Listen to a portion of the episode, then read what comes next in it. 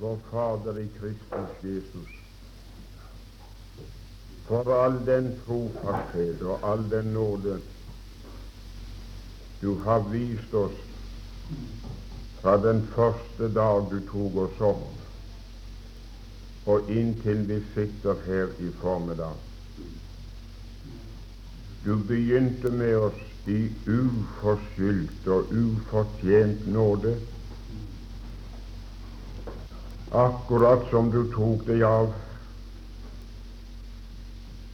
Gamle Jakob. Før han hadde gjort verken vondt eller godt, antok du deg ham.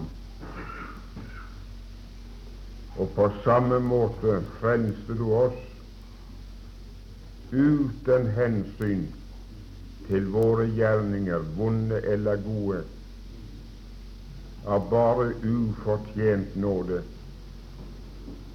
Og i den samme nåde har du stått med oss og handlet med oss til i dag. Og slik vil du være til vår reise i denne verden er slutt, og vi går lykkelig hjem til deg Syng da også denne timen for oss, til ære for ditt navn og til vår velsignelse og hjelp. Amen.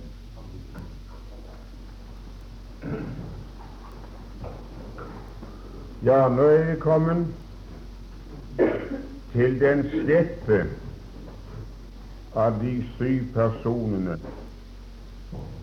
jeg tenkte å si noe om nemlig Jakob.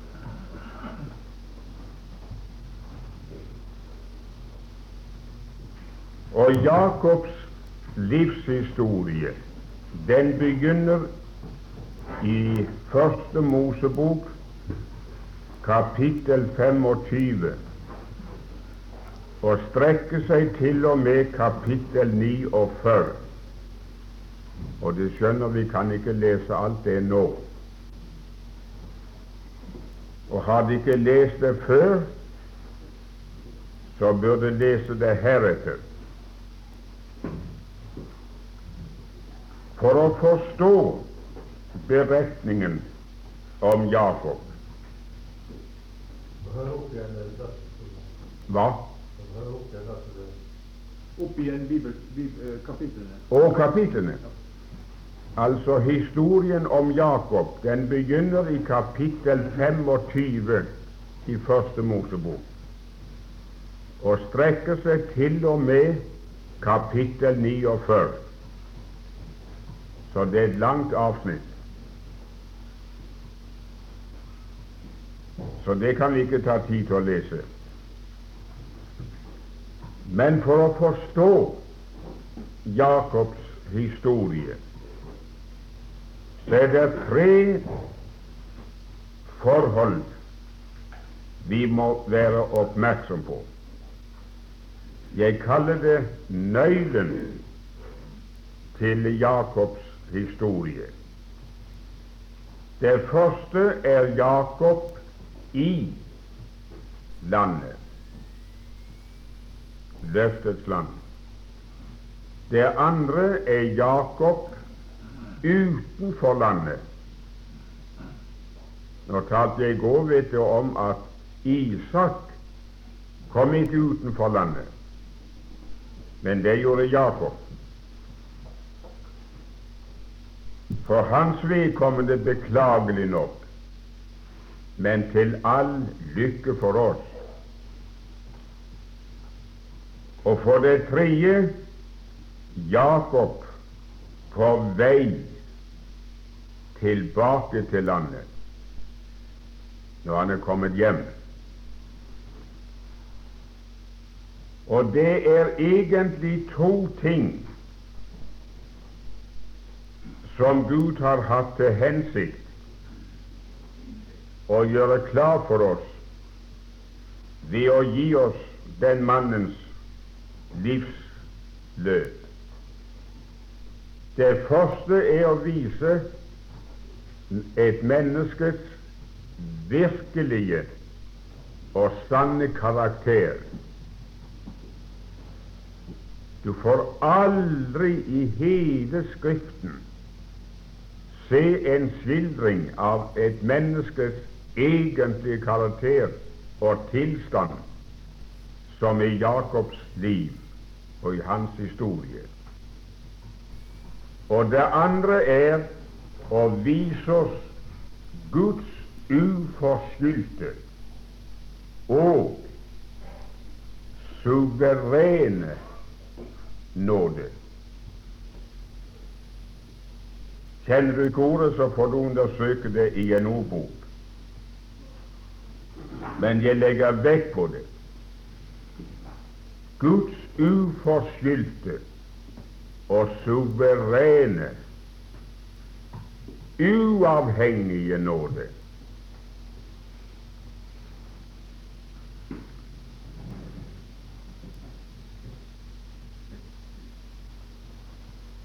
Nå er det ikke mulig, jeg vil det forstå,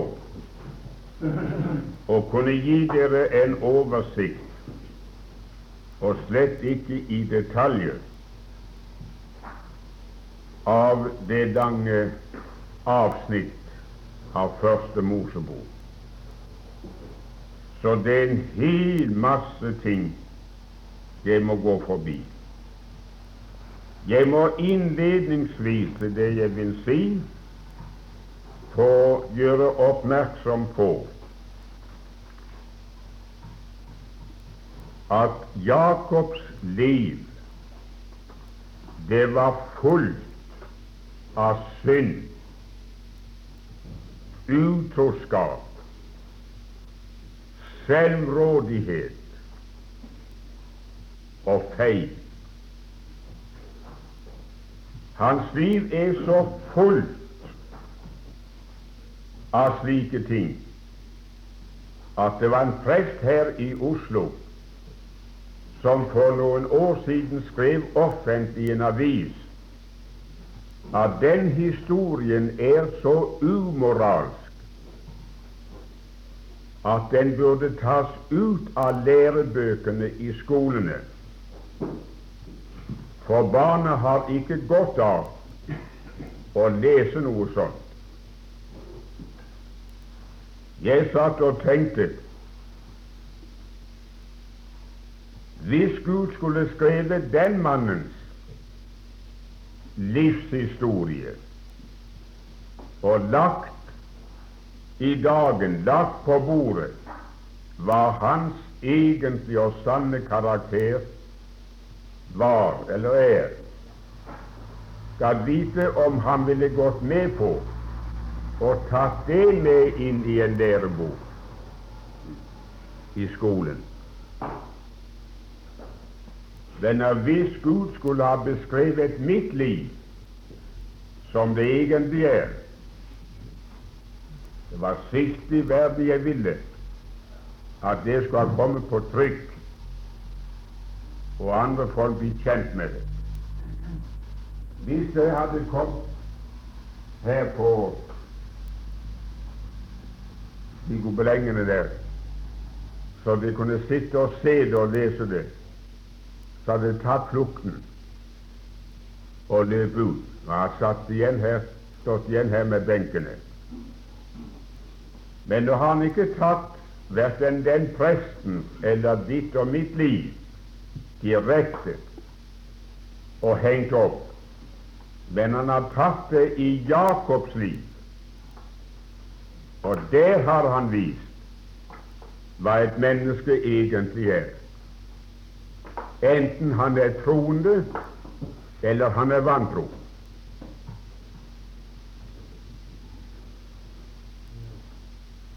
Og hans synd, hans utskeielse, hadde jeg nær sagt, begynte i kapittel 27 da han bedrog sin gamle far og løy sammen med sin mor. Det var da han tilvendte seg førstefødselsretten, førstefødselsvelsignelsen, ved å slakte et kje og svepe skinnet om halsen og hendene og innbille sin gamle, blinde far at han var Esau. Jeg håper det husker den historien, iallfall fra skolen. Og så gikk det slag i slag, slag i slag, utroskap, feil, list og bedrag i et langt liv. Nå er den mannen i himmelen. Men hør nå, venner, før jeg nå sier det som jeg egentlig vil ha sagt i denne timen, så jeg gjør oppmerksom på at når vi hører om og leser hans historie, om alle disse mørke plettene i hans liv, så må vi vokte oss for å ta falsk trøst av det. Og si at når han var slik, så kan jeg også være så. Det er ikke derfor Gud har skrevet det, at vi skal unnskylde synd og list og fusk og fant i vårt liv, og så trøste oss med Guds nåde. Det er ikke hensikten.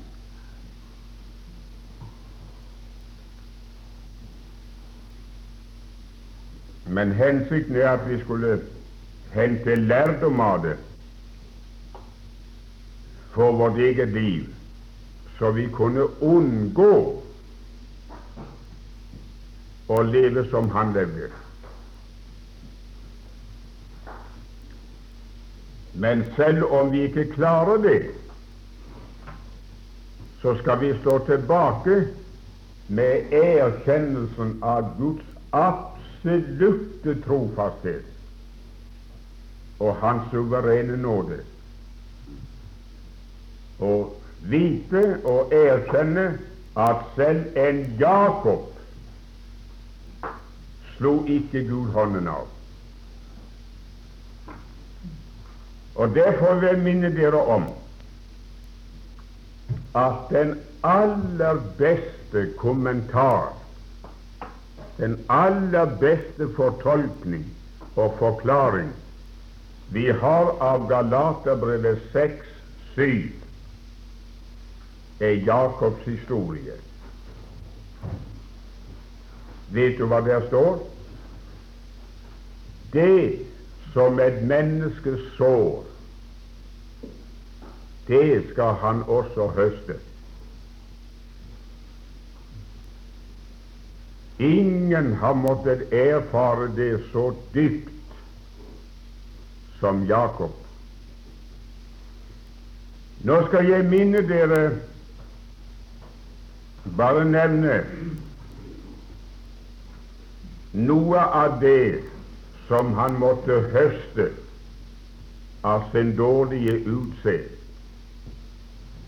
som begynte med bedraget av sin gamle far.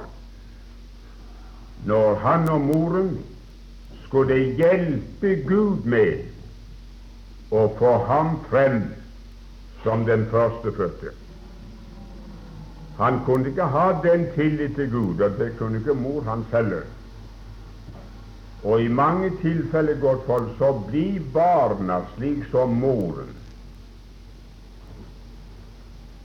Det er som regel ikke far barna følger, men det er mor.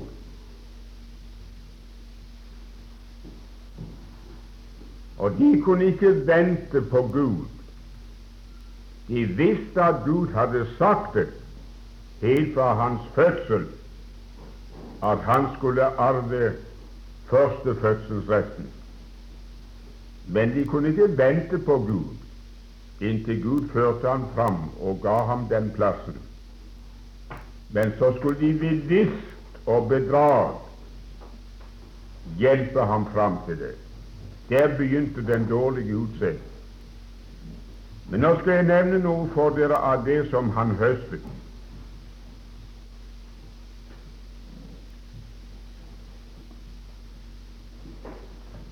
Ved det så pådrog han seg et langt liv i sorg og elendighet. Det begynte med at han pådrog seg sin brors hat. Esau hatet ham.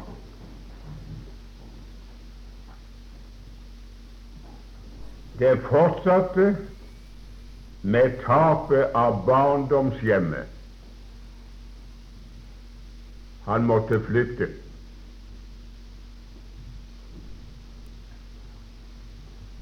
Og videre fulgte en ulykkelig og en sørgende mor. Han fikk aldri mer se en glad, lykkelig mors ansikt. Han kom hjem igjen, men fikk aldri komme hjem så lenge mor levde. Fikk aldri mer snakke ut med mor om det de hadde gjort. Hun sørget seg til døde. Og så ble han bedratt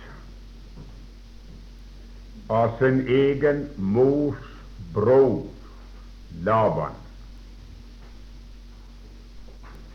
Overfor sin far hadde han gitt seg ut for en annen og blitt tatt for en annen. Hos Laban får han en Lea i stedet for en Rakel. Der fikk han en annen enn den som han elsket og hadde ventet på. Og de eh, syv årene som han måtte tjene for, tjene i, de var forferdelige. Han sier om det da han tar avskjed med Laban, hvordan han hadde det da han skulle reise hjem. Om natten, nei, om dagen, så brente solen meg. Og om natten så flydde søvnen fra mine øyne. Slik har jeg hatt det i de år jeg har vært hos deg. Nå så leser vi i kapittel 34 om hans egne barn som voldt ham den dypeste sorg. Dina og Simon og Levi de voldte ham den dypeste skam og sorg ved det livet de førte. De kan lese om det selv.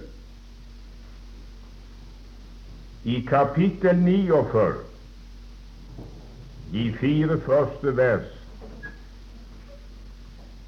der får vi høre om. At slik som han selv hadde tilvendt seg førstefødselsretten ved list og løgn, må han nå oppleve at hans førstefødte sønn, Ruben, mister sin førstefødselsrett ved synd. Det er et fryktelig fall. Vi kan lese om det i kapittel 49, de fire første vers. Så ble han ifølge kapittel 37, 31, 35 bedratt av sine egne barn.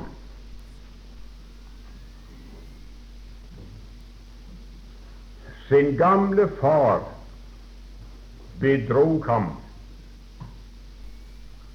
ved skinnet av et kjed. Men nå blir han av sine egne barn bedratt ved blodet av et kjed. De tok hans kjortel og dyppet i blod og sendte hjem og sa et vilt dyr har revet ham i hjel. Og Jakob sørget over ham. Forventet med når han døde. Så han fikk høste det han selv hadde sådd. Og på grunn av den hungersnøden som kom over Egypten, kom over landet, så måtte han på sine gamle dager reise ned til Egypten. Dette og meget mer. Kunne han ha vært spart for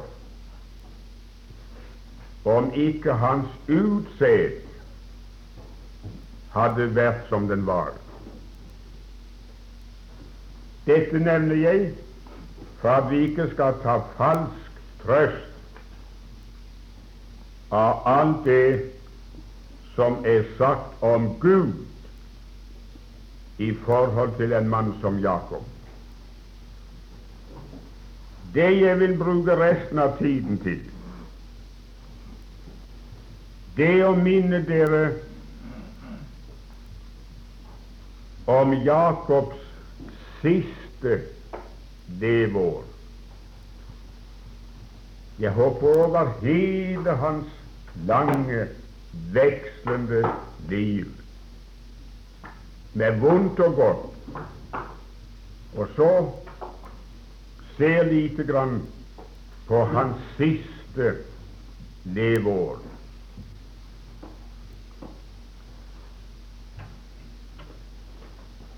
Jeg synes vi har grunn til å spørre, når vi kjenner hans liv, hvordan ble det på slutten med ham? Hvordan ble hans gamle dager? Hvordan endte hans liv? Handlet Gud med ham etter hans misgjerninger? Eller holdt han sin hånd over ham?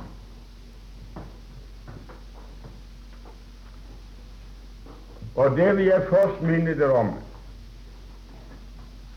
og nå skal du følge med at da han på grunn av sin synd mot sin far reiste bort, møtte Gud ham i Betel og ga ham et løfte.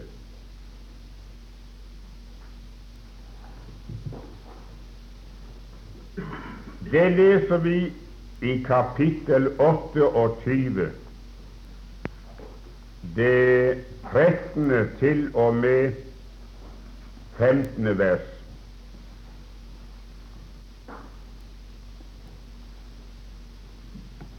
Det husker at når han kom dit, så la han seg til å sove på en sten og drømte. Den gangen talte Gud også i drømme til menneskene. Det har jeg ingen tro på at han gjør nå. Det er mange som kommer til meg og forteller om sånne herlige drømmer de har. Ja, ja. Det kunne fortelle om like så mange dårlige drømmer. Så jeg legger ingen brett på det der. Kan de få noen trøst av det, så la de bare ha det. Men jeg vil heller ha trøst av Guds ord. At Gud tar det til meg derifra, så har jeg noe som holder. Men den gangen talte Gud ofte til menneskene i drømmer. Og i den drømmen om natten så så han den stigen, vet du. Den var det meget å si om, for den er talende. Men øverst på den stigen, der sto Herren, og nederst på jorden, der lå Jakob. Og så sa Herren til ham Vi leser fra vers 13. Og se, Herren sto øverst på den og sa, Jeg er Herren, din fars, Abrahams Gud og Isaks Gud.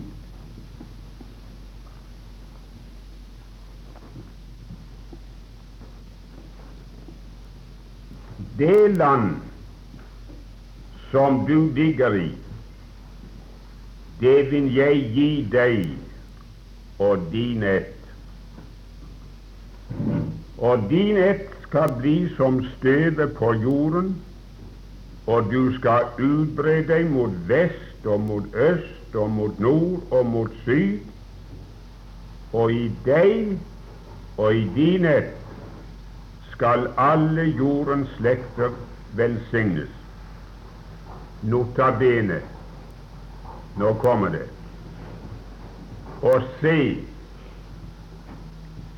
jeg er med deg. Om du hadde sett den troende handle så troløs som Jakob, og sett ham under hans flukt bort fra hjemmet, ville du da trodd og sagt om ham den mannen er Gud med? Jeg betviler det. Men Herren sa, se, jeg er med deg, og vil bevare deg hvor du så går. Kjære folk, jeg er med deg, og jeg vil bevare deg hvor du så går. Men det vel galt. Og jeg vil føre deg tilbake til dette land, og vil ikke forlate deg før jeg har gjort det jeg har lovt deg. Men det var et helt ubetinget løfte, gjort uavhengig av alt hva av Jakob var, og alt hva han kom til å bli i sin troløshet. Jeg er med deg, jeg vil bevare deg hvor du så enn går, og jeg vil føre deg tilbake. Han dro bort og ut av landet, men jeg vil føre deg tilbake. Og jeg vil ikke forlate deg før jeg har gjort det som jeg har lovt deg. Det trodde vel Jakob. Det takket han vel Gud for. Nei, godt folk. Han var ikke pappa som mammas snille Gud. Hør hva det står fra tyvene deres. Og Jakob gjorde et løfte og sa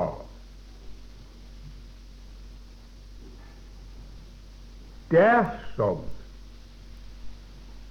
Gud vil være med meg og bevare meg på denne min ferd og gi meg brød å ete og klær å kle meg med, og jeg kommer vel hjem igjen til min fars hus, så skal Herren være min Gud. Han måtte fy og skamme seg. Der hadde Gud stått og ropt ham og sagt Å, Jakob, jeg er med deg. Jeg vil bevare deg hvor du enn går. Og jeg vil føre deg tilbake. Og jeg vil ikke forlate deg før jeg har gjort deg aldri. Dersom du vil være med meg, dersom du vil bevare meg, dersom du vil føre meg tilbake Ja, men hadde ikke Gud sagt det, da? Å, venner, hos Gud var det ingen betingelse for Hans nåde og for hans handling. Men Jakob satte en betingelse. Og nesten fikk det sånn en, en handelskontrakt med Gud. Dersom, dersom, dersom, dersom du er så og gjør så, så skal du være min Gud. Stakkars mann. Han måtte gå igjennom meget fra den dag for å lære sannheten om Guds trofasthet og Guds uforskyldte, suverene nåde. Og de fleste troende venner, jeg hører vitner og ber på bønnemøtene våre og synger. De aller fleste av dem holder på med det dersom.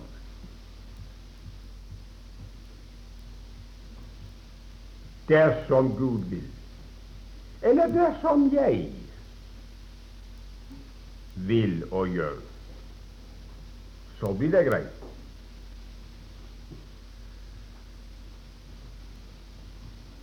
De er aldri sikre på de kommer til himmelen, ser du.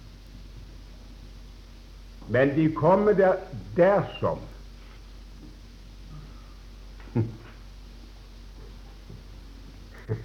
ja, men venner, Gud har ikke sagt, sagt noe dersom.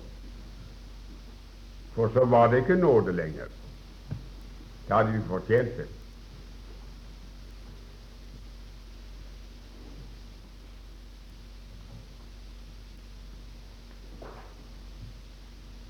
I kapittel 31 og vers 3 Dette var i kapittel 28. I 31. kapittel der kommer Gud til ham igjen og påbyr ham å reise hjem igjen. Da har han vært borte, og det ligger et langt avsnitt av hans liv imellom. Men der møter Gud ham og sier 'Reis tilbake til ditt land'. Og dermed begynte Jakobs gjenopprettelse. Han brøt opp, og han kom hjem. Men det begynte med at Gud møtte ham og sa 'reis hjem igjen'. I seg selv var Jakob den samme som han alltid hadde vært. Vi finner samme naturen, samme karakter, samme fanteskapet i ham, selv på veien hjem, som vi har sett før. Jeg har ikke tid å påvise det. Og livet, det betød for Jakob fremdeles for meget sorg og mange prøvelser. Så svære at jeg har satt og leste og gråte. Jeg syntes synd på ham. Men i lys av ham har jeg sett meg selv.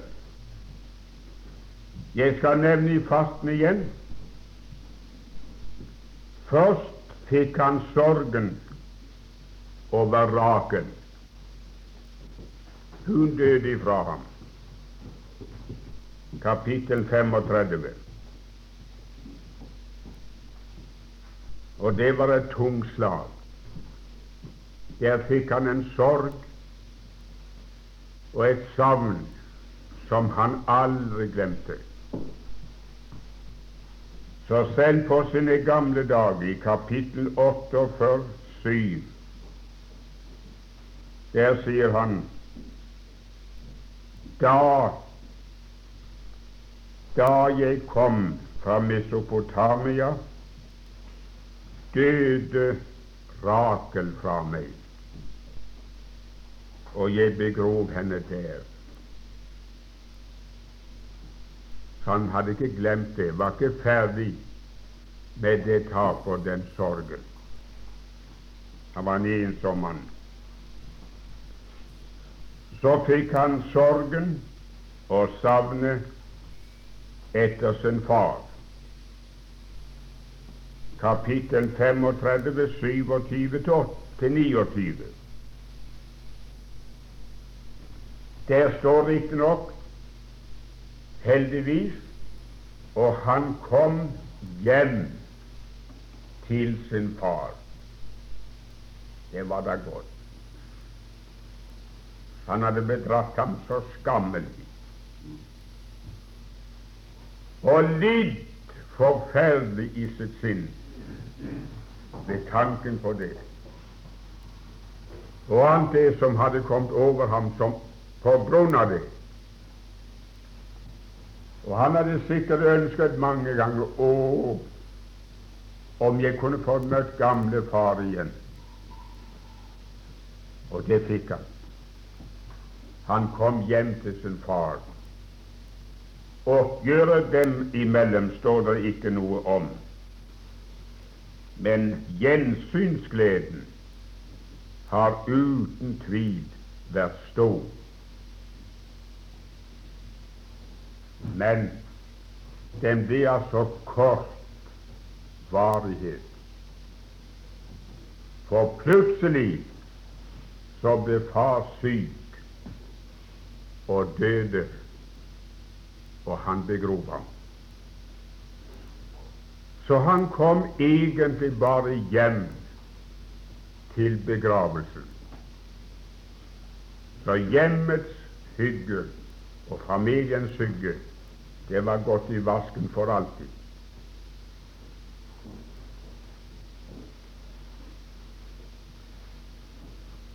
Etterpå det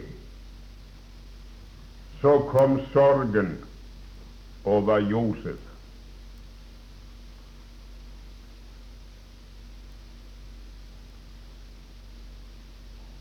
I kapittel 37 står det at han elsket Josef. Han hadde Josef kjær. Så vidt han ble sendt ut for å se til brødrene sine, og så kjenner du resten. De la råd opp om å slå ham i hjel. De er ferdig med ham. Solgte han for sølvpenger, tok kjortelen av dyttet den i blod, sendte den hjem og innbilte far at Josef er død. Og han trodde han var død. Og det står at han sørget. Han sørget over Josef. Så hans gamle dager, venner, var fylt av sorg og prøvelser. Du kan lese det der i kapittel 37, fra 32 til 35. Jeg kan ikke ta tid til å lese det. Kommer du så til kapittel 42, fra vers 1 og følgende, så får du høre om sorgen og prøven under hungeren som kom over landet.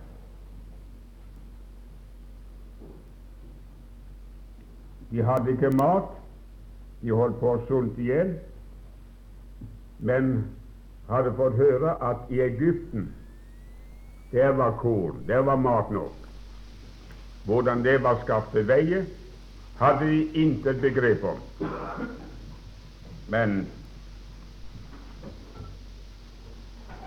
forholdet ble at han sendte sønnene sine av sted for å kjøpe korn. Og når de kom ned der, så kom de, som de husker, til, til Josef, men kjente ham ikke. Benjamin han var ikke med, ellers var de alle sammen sendt av gårde. Men så gjorde denne ukjente Josef krav på at, at uh, Ja. Nei. Simon skulle holdes tilbake. Skulle de andre reise hjem? Og brødrene de protesterte og sa det går ikke. Vi kan ikke føre det over vår far, for vi tok ansvaret for at vi skulle komme tilbake. Jo, så fikk han nå Simon tilbake, men dessverre så forlangte han at Benjamin måtte være med hvis de kom neste en gang til.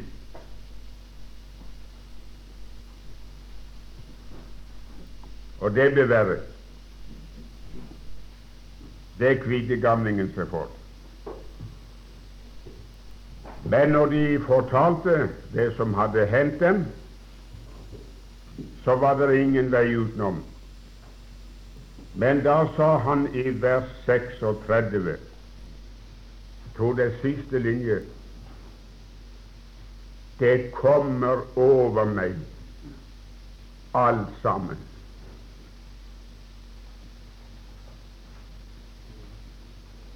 Det kommer over meg alt sammen.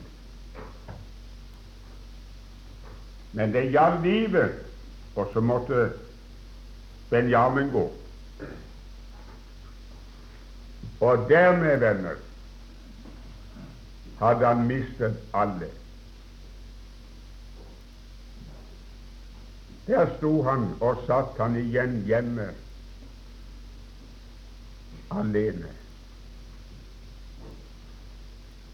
Og omstendighetene tyder på at selv Gud måtte ha forlatt ham.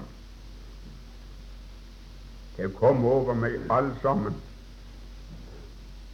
Nå får jeg lønnen for alt mitt troløse liv. Slag på slag rammer ham. Og alltid rammet slagene ham på de ømmeste punktene. Jeg skal nevne punktene ved navn, uten henvisning. De kan bare lese historien, og så notere det jeg nevner nå, som det har knagger til å henge det på. Dina, datteren, Rakel, faren, Ruben, som falt i et sånn fryktelig hor. Simon, Benjamin og Josef.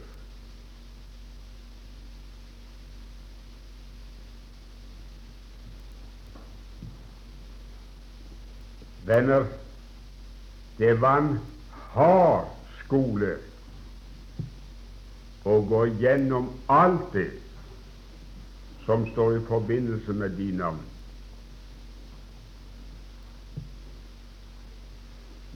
Men hva blir så resultatet av den skolegangen?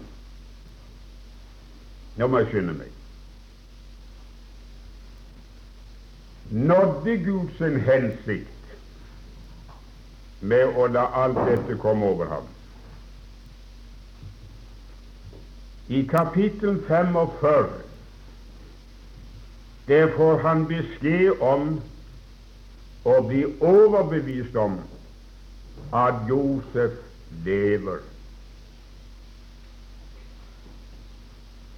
På nynorsk står det at han slo hendene sammen og sa dette er nok, du store syn. Tror jeg ikke at Josef lever ennå? Jeg lyder stad, og se til ham før jeg dør.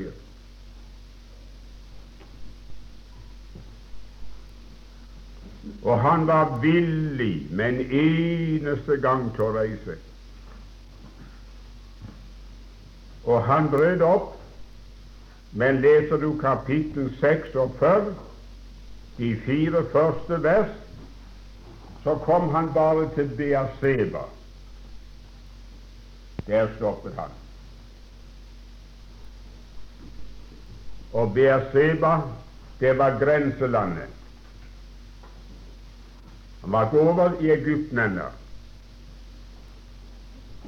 Og hvorfor stanset han i Beerseba? Ganske enkelt fordi han var redd å reise til Egypten. Veien var lang, og det var fiendeområde, og han var redd å bli slått i hjel. Men så møter Gud ham. Bare les versene. Og så sa han, vær ikke, vær ikke redd for å reise ned, for jeg går med deg. Ålreit. Så tok gamlingen stokken og hatten, og så fortsatte han. Når han fikk sikkerhet for at Herren gikk med ham, så gikk han. Han hadde fått nok av å legge planer for sitt eget liv selv. Og gå sine egne veier og gå de alene. Han skulle ikke ha mer av det. Men er Gud med meg og har sagt jeg skal gå, vel, så går jeg. Og så reiste han. Skal vi så slå opp kapittel 47 og lese 7. og 9. vers? Jeg har eh, Jeg har eh, strek under det. Når han kommer ned Og Josef førte Jakob sin far inn og fremstilte ham for farao. Og Jakob velsignet farao. Og farao spurte Jakob hvor mange er dine leveår? Altså, hvor gammel er du? Hvor mange er dine leveår?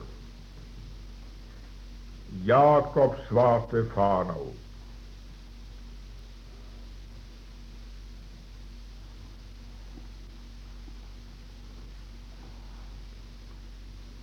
Jeg ble grepet av det, så jeg har vanskelig for å si noe om det.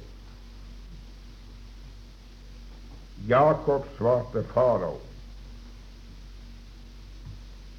Min utlendighetsår er 130 år.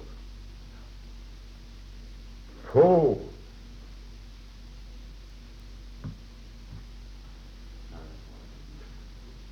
Få og onde har mine leveår vært,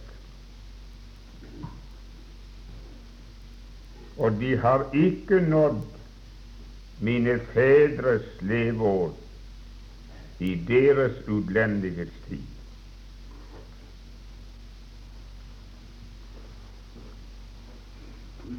Hvis han hadde vært spurt om det tidligere,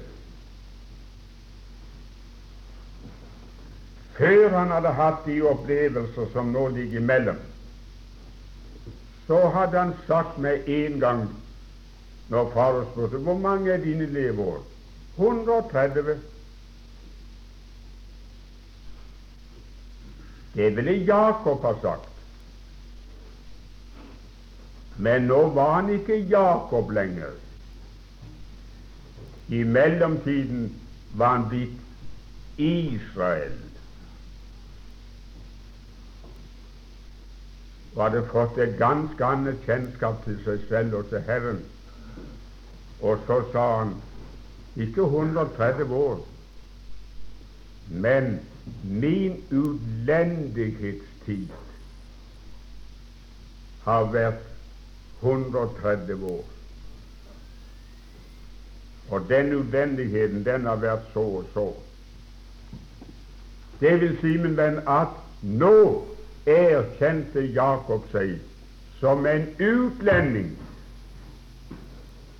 som en pilegrim i denne verden. Så nå snakker han om sine utlendighetsår. Kan gjerne knytte det sammen med det jeg var inne på i går.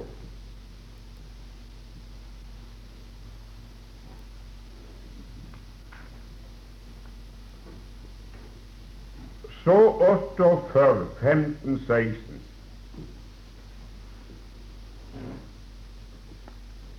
Åtteogfyrre, 15, 16. Det må vi lese.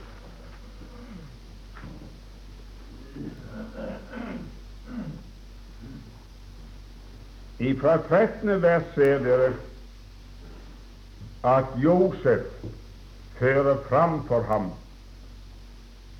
sine to sønner, Efraim og Manasseh, og ber at far skal velsigne dem. Og så gjør han det. Men så sier han i vers 15 Og han, altså Gud Nei, Jakob. Han velsignet Josef og sa den Gud for vis åsyn mine fedre Abraham og Isak vandret. Den Gud som var min hyrde fra jeg ble til og til denne dag. Se litt på det verset, venner, så vil de finne mannens erkjennelse av seg selv og hans erkjennelse av Guds trofasthet og hans ydmykhet. Han er en helt ny mann. Gud velsignet Nei, Gud Nå, vent litt. Den Gud for vis åsyn min far Abraham og Isak vandret. Når han tenkte tilbake på bestefar og far, hadde han den overbevisning at de to hadde vandret for Herrens åsyn. Men det sa han ikke om seg selv. Han sa ikke 'den Guds åsyn', 'den Gud forvis åsyn', 'jeg har vandret', for det hadde han ikke gjort. Men han sa noe som var sant. Den Gud som var min hyrde, like fra den dag jeg ble til, og til denne dag. Venner, tross all hans troløshet, tross hans mange mangler og feil, tross han ikke alltid hadde vandret for Herrens åsyn og la Gud bestemme for seg, så hadde Gud allikevel vært hans hyrde. Han hadde stått ved det løftet som han ga ham i Betlehem. Og nå holdt han på å føre ham hjem, hadde fått ham hjem. Jeg har ikke tid å nevne mer om det. Men så står det i samme kapittel 48, fra 8. til 22. vers, at Jakob velsignet Josefs sønner. Og Hebrevet 11,21 sier at ved tro velsignet Jakob Josefs sønner, Efraim og Manasseh. Han kjente meget vel til de guttene, og ingen av dem hadde til dags dato ført seg så, levd så, at noe talte for at Gud skulle velsigne dem. Nei, men han velsignet dem ved tro. For nå er han der. Jeg har aldri fortjent at Gud velsignet meg. Jeg hadde ikke fortjent at han tok meg opp, og at han møtte meg i Betlehem, og har fulgt meg hele veien, og fulgt meg tilbake igjen. De har heller ikke fortjent det. Og kunne han velsigne meg uforskyldt, så kan han velsigne de guttene også. Om jeg skal gå i graven og ikke få se at barnebarna mine er velsignet av Herren, så skal andre få se det. Han velsignet dem ved tro. Nå regnet han med Gud og intet annet. Den uforskyldte, ufortjente nåde. Mange venner de preker i vår dag at hvis hvis far og mor ikke er så og så, og hvis bestefar og bestemor ikke er så og så, så går barna til helvete. Så gjør ikke Gud noe for dem. Det er nonsens. Der står ikke noe slikt i Bibelen. Nei, venner, Gud har større omsorg for dem enn foreldrene har og han velsigner dem uforskyldt. Og mange har måttet gå i grav uten å få se da Gud velsignet dem.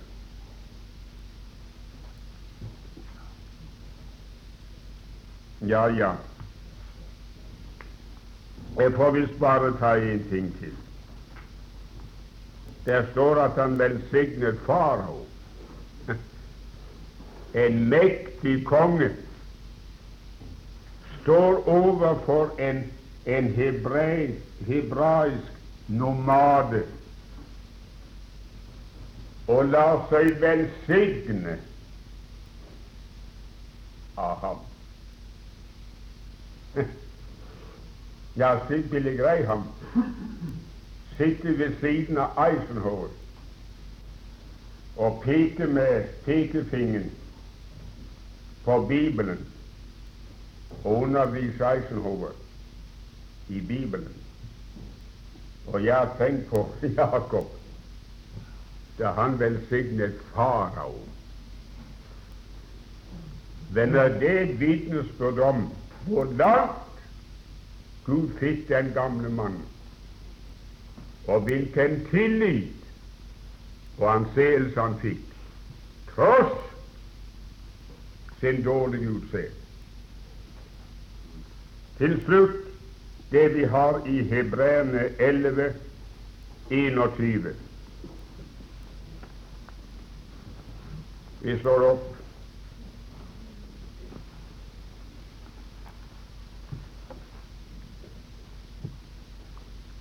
Ved tro velsignet Jakob døende hver og en Nei, nei, det må jeg ikke late meg på, for tiden går. Ved tro velsignet Jakob døende hver og en av Josefs sønner og tilba bøyet over knappen på sin stav. Der, venner, står vi ved Jakobs dødsleie. Han har satt på sengekanten, og så skal han trekke bena opp i sengen etter at hans liv er slutt. Og han vet det. Og hva gjør han? Han vendte seg til uh, Josef og vendte seg til de andre som måtte være der, og sa nå må dere be for meg. Nå er det så mørkt, det så svart. Nå tårner djevelen opp for meg alt mitt gamle liv.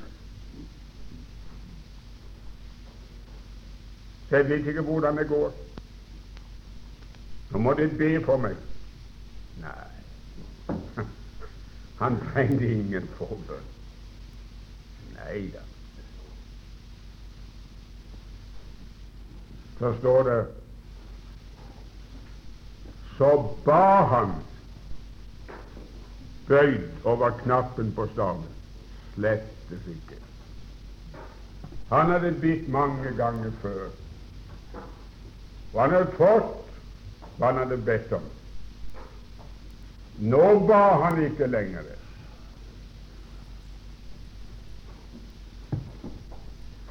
Og så takket han bøyd over knappen på staven. Nei da, han var ferdig med det også. Han tilba. Tilba bøyd over knappen på staven. Men han bare beundret den Gud som hadde vært så grenseløs trofast imot ham. Av alle de hellige hvis død er omtalt, hvis liv og død er omtalt i Bibelen, er det ingen som har fått en sådan vidunderlig død. Død tilbedende. Det var Guds nåde på mål. Og der i Hebreerbrevet 11, det er toppen av det hele, der har Gud plassert ham etter hans død blant troes heltene. De om hvem det står han skammet seg ikke ved å kalles deres Gud. Mellom dem er Jakob nevnt. Det er ingen av de som omtalt i Bibelen som jeg er så lik som Jakob. Jeg kunne være tvillingbror. Ja. Vi kunne være siamittiske tvillinger. Så like er vi. Men uh, gudskjelov, han har ennå ikke skammet seg ved å kalles min Gud. Derfor er Jakobs historie skrevet for at vi skal vite det. Du har skammet deg for ham, skammet deg for andre. Han skammes ikke ved å nevne ditt navn og kalle sin Gud. Og Derfor synges det i salmene jeg vil lovsynge Jakobs Gud. Salig er den hvis håp står til Jakobs Gud. Der står aldri noen plass 'Jeg vil lovprise Abrahams Gud', Isaks Gud og Josefs Gud. Nei, nei, for det ville vært så selvsagt at han var deres Gud. Og det var sånn en kjekk kjekke, snille, fine kar. Men at han vil være Jakobs Gud og legge sitt navn på ham, det et mirakel. Jeg vil prise Jakobs Gud, og salige de som har sitt håp til Hans Gud. Amen.